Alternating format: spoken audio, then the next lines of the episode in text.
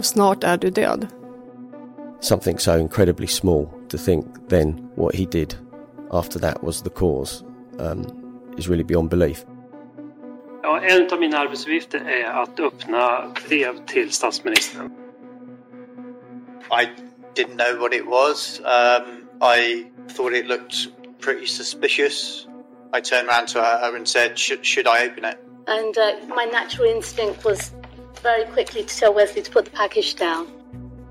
Sakta men säkert så kom ju de här breven att, att nå andra statsråd och, och, ja, tidigt så begrep vi ju liksom att det här kändes inte bra av utifrån pulvret framförallt då. Det stack i mina fingrar till eh, strax efter midnatt den natten. I could see like two metal cylinders. At that point, I, I looked up and um, I, I saw him opening the, the parcel. Ja, det var ju lite chockartat på det sättet. A proper viable explosive device. It was a bomb.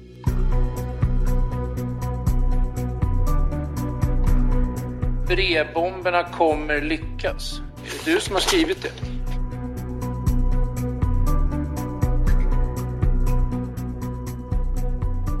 Lyssna på en mörk historia, brevbomb från Gullspång, tillgängligt från den 22 april. Du som stödjer vårt arbete via Acast kan förhandslyssna nu direkt på alla delar.